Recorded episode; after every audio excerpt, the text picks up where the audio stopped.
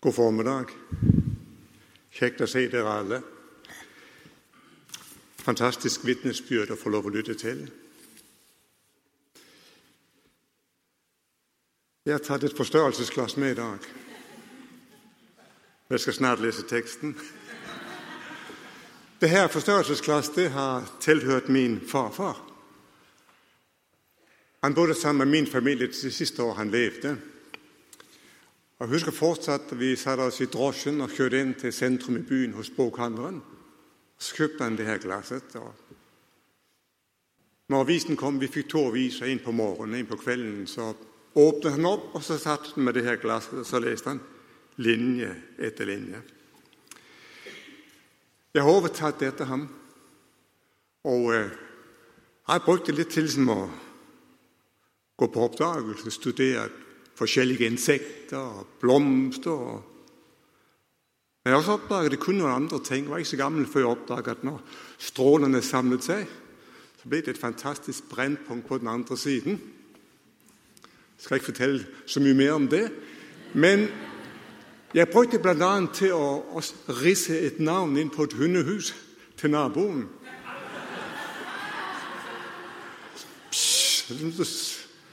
Og det var navnet Rex, som betyr konge. Eh, hvorfor har jeg tatt den med? Litt nostalgi, ja, kanskje det. Litt barndomsminner. Men det er noe med at strå, solens stråler samles i et brennpunkt. Vi har her i høst hørt om identitet. Hva jeg er i Jesus Kristus. At jeg er fri, jeg er tilgitt, jeg er Guds barn, jeg er elsket. Jeg er hel, jeg er hellig. Jeg er til og med en prest. Og jeg kunne ha fortsatt. Altså mange forskjellige vidunderlige sannheter. Og så føler jeg at det jeg skal dele med dere her nå i formiddag, det blir på en måte et brennpunkt hvor alle disse stråler samles i et sentrum som kan gjøre en forskjell. Som kan på en måte brenne kongens navn inn i ditt liv og i andre menneskers liv. Derfor tok jeg denne lille luken med. Jeg skal ikke bruke den her i dag, tror jeg. Nå vil tiden jo vise det. Eh, inspirasjonen til det brennpunktet, konklusjonen på forkynnelsen, den tar vi på øverste hylle hos Jesus selv. Og Jeg skal lese en, en veldig spesiell beretning. Du har hørt den, men den er kanskje mye mer spesiell enn du egentlig tenker. Fra Johans evangeliet, kapittel 13. Og Det 17. verset det tåler du å høre. Det var like før påskehøytiden, og Jesus visste at hans time var kommet da han skulle gå bort fra denne verden og til sin far. Han hadde elsket sine egne som var i verden, og han elsket dem helt til det siste. De holdt måltid. Djevelen hadde alt gitt Judas, sønn av Simon Iskariot, den tanken i hjertet at han skulle forråde ham. Jesus visste at far hadde gitt alt i hans hånd, og at han var utgått fra Gud og gikk til Gud. Da reiser han seg fra måltidet og legger av seg kappen, tar et linklede og binder det om seg. Så heller han vann i et fat og begynner å vaske disiplenes føtter og tørke dem med linkledet som han hadde rundt livet. Han kommer til Simon Peter. Peter sier, 'Herre, vasker du mine føtter?' Jesus svarte, 'Det jeg gjør, forstår du ikke nå, men du skal forstå det siden.' 'Aldri i evighet skal du vaske føttene mine', sier Peter. 'Hvis jeg ikke vasker deg, har du ingen del i meg', svarte Jesus. Da sier Peter, 'Herre, ikke bare føttene, men hendene og hodet også. Jesus sier til ham, 'Den som er badet, er helt ren og trenger bare å vaske føttene.' 'Dere er rene, men ikke alle.' For han visste hvem som skulle forråde ham. Derfor sa han, 'Dere er ikke alle rene.' Da han har vasket føttene deres og tatt på seg kappen, tok han plass ved bordet igjen. Så sa han til dem, Forstår dere hva jeg har gjort for dere? Dere kaller meg mester og herre, og dere gjør det med rette. For jeg er det. Når jeg som er Herren og Mesteren har vasket deres føtter, da skylder også dere å vaske hverandres føtter. Jeg har gitt dere et forbilde. Slik jeg gjorde mot dere, skal også dere gjøre. Sannelig, sannelig, jeg sier dere, tjeneren er ikke større enn Herren sin. Og utsendingen er ikke større enn Han som har sendt ham. Nå vet dere dette, og salig er dere så sant dere også gjør det. Det er siste kveld med gjengen, for å si det sånn. Tre fantastiske år mot avslutning. Ingen mennesker har noensinne opplevd det de her har opplevet. Har du opplevd hans under? De hadde hørt ordene han talte.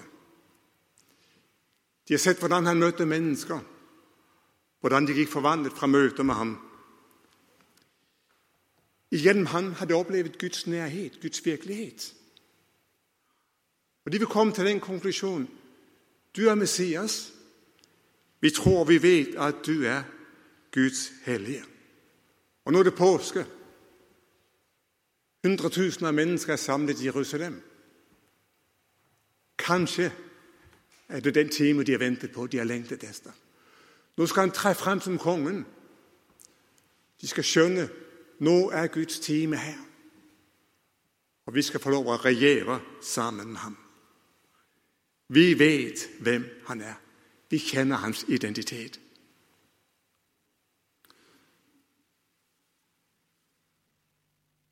Så sitter Jesus der. Hva tenker han? Hva føler han? Tre ganger det jeg har lest nå, så står det Jesus visste. Han visste. Han bærer en visshet med seg inn i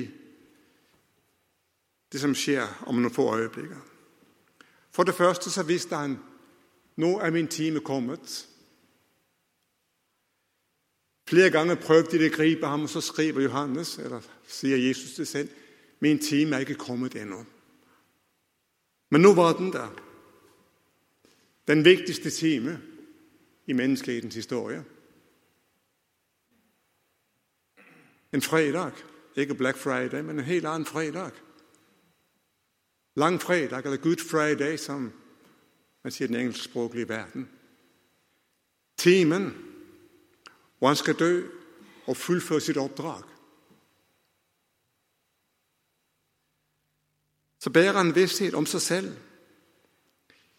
Jesus visste at Faderen hadde gitt alt i hans hånd, og at han var utgått fra Gud og gikk til Gud.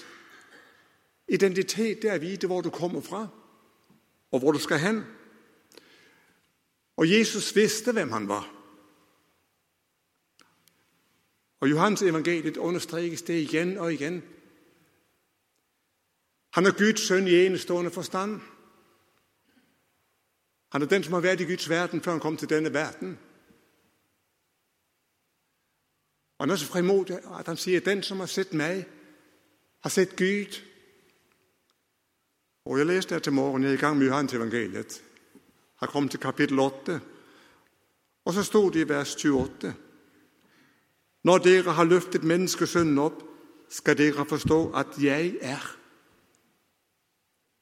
Og det ikke gjør noe av meg selv, men sier det som far har lært meg. Men han sier 'jeg er'. Det er jo Guds navn fra Det gamle testamentet. Når Moses en gang spør 'Hvem skal jeg si som har sendt meg?' Så skal du si 'Jeg er'. Javé. Og så sier Jesus om seg selv 'Jeg er'. Han visste om hvem han var. Han var ordet fra evigheten, ordet som vi sang om i den første sangen. Han visste hvor han kom fra. Han visste hvor han skulle hen. Han kjente til viktigheten av sitt oppdrag. For han visste at Gud hadde lagt alt i hans hånd.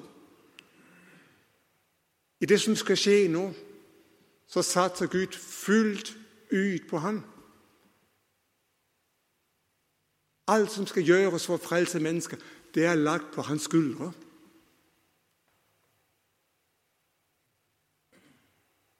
Ingen andre kan gjøre det. Bare han. Og denne visshet sitter han med til torsdagskvelden. Det er nå eller aldri. Om ikke jeg klarer å fullføre det, så er det ikke noe frelse for menneskene. Denne visshet sitter han med. Og så vet han også hvem det er som omgir ham. Det står Han visste hvem som skulle forråde ham. Han visste det var Judas. Men han visste også hvem Peter var. At Peter i løpet av noen øyeblikk skulle fornekte ham. Han visste at de som skulle hjelpe ham i forbønn, de kom til å sove i den dypeste søvn i løpet av et par timer. Han visste de skulle flykte de kom for å ta ham til fange. Denne visshet bærer han med seg. Jeg vet hvem det er som omgir meg.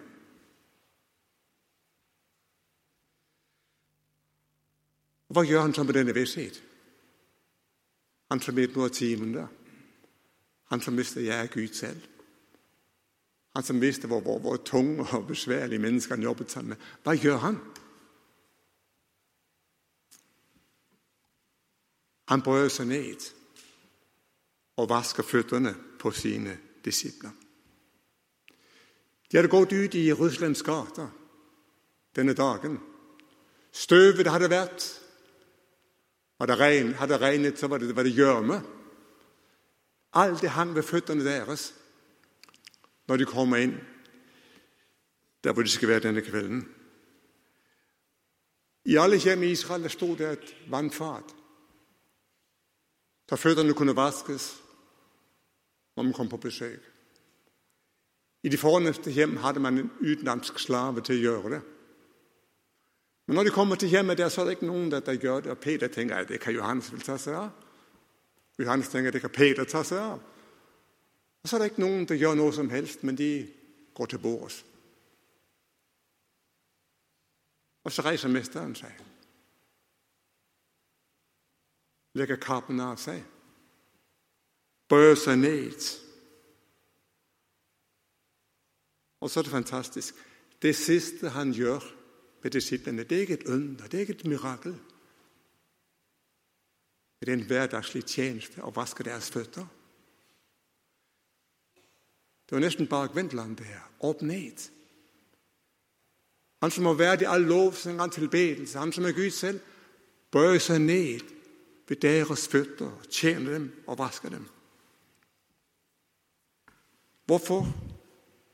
Det var en simpel hverdagstjeneste det måtte gjøres. Så tok han den på seg. Og for det andre så er det for å forkynne at skal du ha evig liv, skal du ha fellesskap med Jesus Kristus, så må han bøye seg ned og tjene, og du må ta imot denne tjeneste. Og Da skal vi få bibelvers opp. Og det vil si Her samler alle strålene seg fra den guddommelige sol i et brennpunkt. Heller ikke menneskesønnen er kommet for å la seg tjene, men for selv å tjene og gi sitt liv som løsepenger for mange. Her har du hele Markus-evangeliet i et enkelt vers. Det er hovedverset i Markus-evangeliet. 10, 45. Han er kommet for å tjene og gi. Gi sitt liv. Gi sitt liv som løse penger for mange. Derfor kom han til verden. Og alt det han er, det samler han i dette brennpunktet. Jeg gir mitt liv for å frelse mennesker. Ser du det? Alt samles i dette punktet.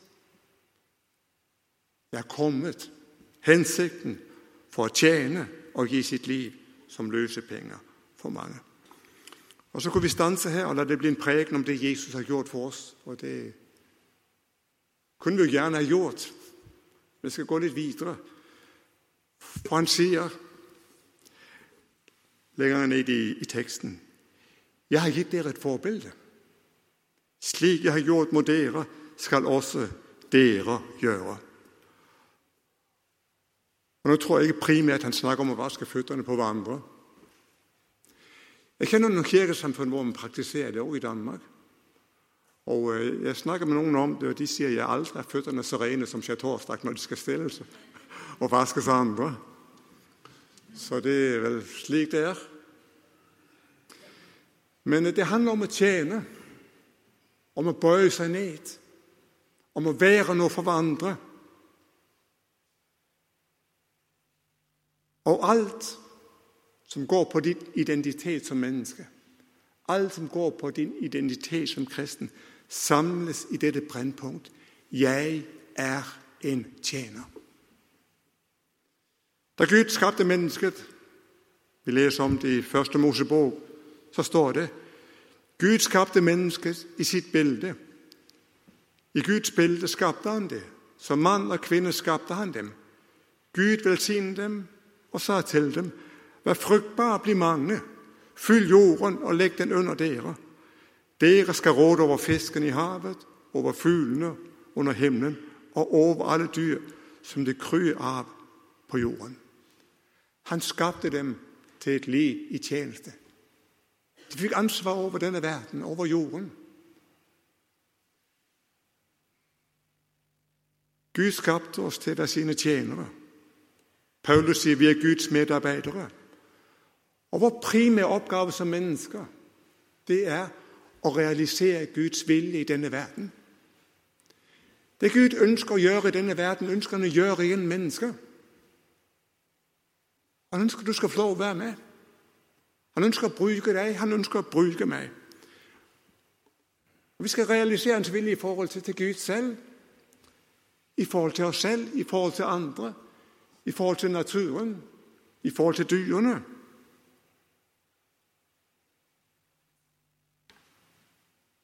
Å være et menneske, det er å være skapt til tjeneste.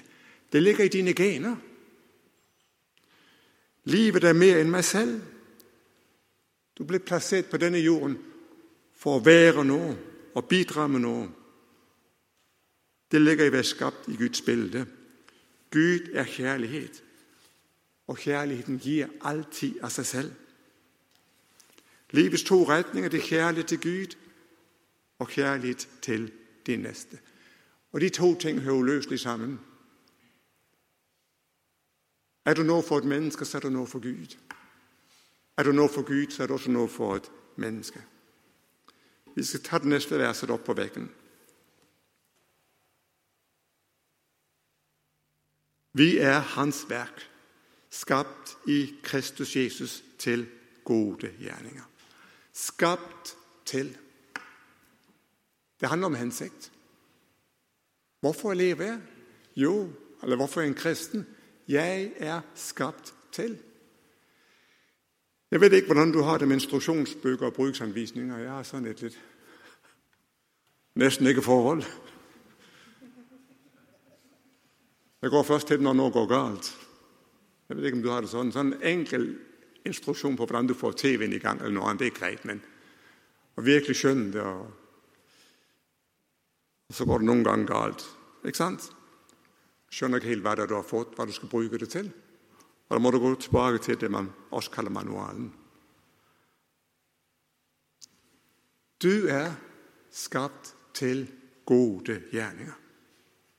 Det er ikke de gjerninger du gjør for du skal bli en kristen, men det er det du gjør fordi du er en kristen. Det er å møte hele mennesket med Guds kjærlighet og Guds omsorg. Skapt til gode gjerninger. Mediter litt over det. Jeg vet hva jeg skal bruke mitt liv til. Til noe mer enn meg selv og selvrealisering, men gode gjerninger. Og så opplever du det er ved å gi deg selv at du finner deg selv. Det å være noe for andre du er noe for deg selv. Det er slik du er skapt. Og Likevel har det inn i en fantastisk tjeneste som er fullførelsen av det han kom for å gjøre, å sette mennesker fri. Han fullførte sin tjeneste da han døde på korset. Men Guds plan med mennesket blir ikke virkelighet for det gode budskapet om det bringes ut. Så mennesker får høre det, så mennesker får erfare det. Og i denne sammenheng har han valgt å bruke ganske vanlige mennesker. Gjennom våre ord, gjennom våre liv, gir vi det Guds budskap som er en kraft til frelse, forandring, til å sette mennesker fri. Det er denne sammenheng du og jeg lever. Som enkeltpersoner, som fellesskap. Jesus visste at Faderen hadde gitt alt i hans hånd. Gud satset på Jesus inn i langfredagen.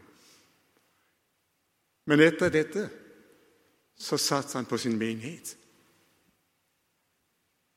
Det Gud ønsker å gjøre i denne verden for å sette mennesker fri, det har han gitt over til deg og til meg. Det er oss han ønsker å bruke. Og Det gir jo et kolossalt ansvar for det vi er, det vi skal gjøre. Og samtidig en fantastisk mulighet. Et privilegium. Tenk, jeg skal få lov å være med. Gå ut med et budskap som kan forandre situasjoner, som kan forandre mennesker. Som kan gi frihet. Han ønsker at lille jeg skal få lov å være med. Kall til tjeneste. Her får jeg lov å bruke mine evner. Min personlighet. Min erfaring. Med det jeg eier. Med den utrustning han ved sin Hellige Ånd har gitt meg. Gud har satset på deg. Gud har satset på meg. Jeg har noen ganger sitert en herr Kirkegård fra Danmark. Jeg skal gjøre det igjen. Det er ikke Søren Kirkegård, det er Ole Lund Kirkegård. Han har skrevet boken om Gummitarsan. Jeg vet ikke hvor mange som kjenner den. Filmen er også fantastisk. Om den lille gutt Ivan Olsen som ble mobbet på skolen. Han klarer ikke å lese. Når han ser på bokstavene, så flyr de sammen. De vil ikke stå stille. Han har det gymtimerne på skolen, for han klarer ikke å springe over det han skal springe over. Og han har ingen muskler. Han klarer ikke å ta igjen når de står de fanger han i friminuttene og gir ham buksevann. Og Foreldrene de bryr seg ikke så mye om ham heller. Moren hun er fortvilet over at Ivan hver dag kommer hjem med ødelagte klær. Og Faren har bare én visjon. Det er at Ivan skal bli som Tarzan. Fordi han ikke selv var som Tarzan da han var gutt. Øh, men Ivan klarer ikke å leve opp til det, og derfor gir faren ham navnet Gummitarsan. Ivan han er veldig lei seg, men en dag så møter han en som skjønner han. Han heter heldigvis Ole.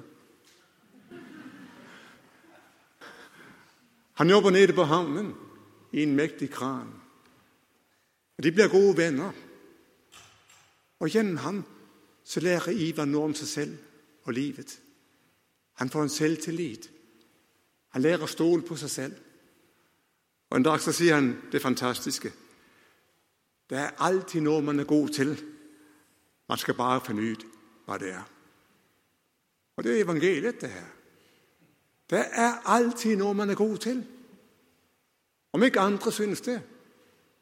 Om noen har trykket deg ned, om noen har ment du er en gummitarsen, eller hva det måtte være. Det er noe du er god til. Gud har gitt deg noe du kan bidra med i hans store sak å vende mennesker tilbake. Men hvorfor skal vi gjøre det? I Salme 116 har David opplevd Guds inngrep i livet. Så sier han Hva kan jeg gi Herren igjen for alt det gode han gjør? Hva kan jeg gi Herren igjen for alt det gode han gjør? Jo, jeg vil gi mitt liv til ham. Paulus sier Kristi kjærlighet tvinger meg. Har du opplevd det? Hva vil du bruke ditt liv til? Og det er ved å tjene du finner din identitet. For den som hører ordet til Jakob, men ikke gjør det, ligner en mann som ser på ansiktet sitt i et speil. Han ser på det og går sin vei og glemmer straks hvordan han så ut. Men den som ser inn frihetens fullkomne lov og fortsetter med det, blir ikke en glemsom gjører, men en gjerningens gjører. Et slik menneske skal være lykkelig i sin gjerning. Det er ved å tjene du på en måte får speilet. Det er ved å tjene du finner ut av hvem jeg er. Det er ved å prøve. Husker fortsatt da jeg skulle ta 200 meter merket i svømning. Hadde holdt på en god stund. Og kommet kom den store dagen. Så svømmebassenget 25 meter lang. Halvparten det var ganske dypt. Over tre meter. Og Der står jeg uten belte eller noe som helst annet. Så ut. Helt ned til bunnen. Jeg kom opp igjen, heldigvis. Og så kjente jeg det går jo an å svømme. Overgi deg til elementet. Og så bade. Hvis jeg aldri hadde våget å ta stupet ut, hadde jeg aldri hatt den erfaringen. Det er noen ganger sånn det er med Guds rike, det er tjene. Noen ganger så må vi stupe ut, prøve oss. Og så opplever de er det det Gud utruster meg til, ja, men så bærer det. Jeg er så takknemlig for at noen gjennom livet har gitt meg utfordringer. Du, kan du ikke bli med i søndagsskolen? Jo, det kan jeg, kan jeg gjerne. Så var jeg med, så kjente jeg Det var spennende å fortelle ungene om Jesus Kristus. Bli med i ungdomskoret. Prøv å ta instrumentene med. Ok, jeg tok det med. Så kjente jeg at det fungerer, jo, det her. Kan du ikke ta en innledning? Jo, nemlig, jeg kunne gjerne ta en innledning. Og så opplever du at er det det Gud har kalt deg til og utrustet deg til, så skjer det noe med deg når du bruker det. Og Jeg tror vi holder oss altfor mye tilbake. Noen ganger oppdager vi at det var ikke det jeg skulle. Jamen, ok, men så er det noe annet jeg skal. For jeg har alltid noe å bidra med. For Gud har utrustet meg slik at jeg kan få lov å tjene ham i den store sammenheng. Så jeg kalte tjeneste hele livet, med hele livet. Jeg får lov å tjene ham i mine nære sammenhenger. I familie, blant venner, på arbeidsplass. Får lov å tjene ham i menigheten. Gud ønsker å bruke meg inn i fellesskapet. Jeg har min plass her ikke bare som en passiv tilhører, men som en det har noe å bidra med for at vi i fellesskap kan nå det store mål å sette mennesker fri. Bob Dylan han sang en gang 'You gotta serve somebody'. Du må tjene en eller annen. Og vi tjener alltid en eller annen.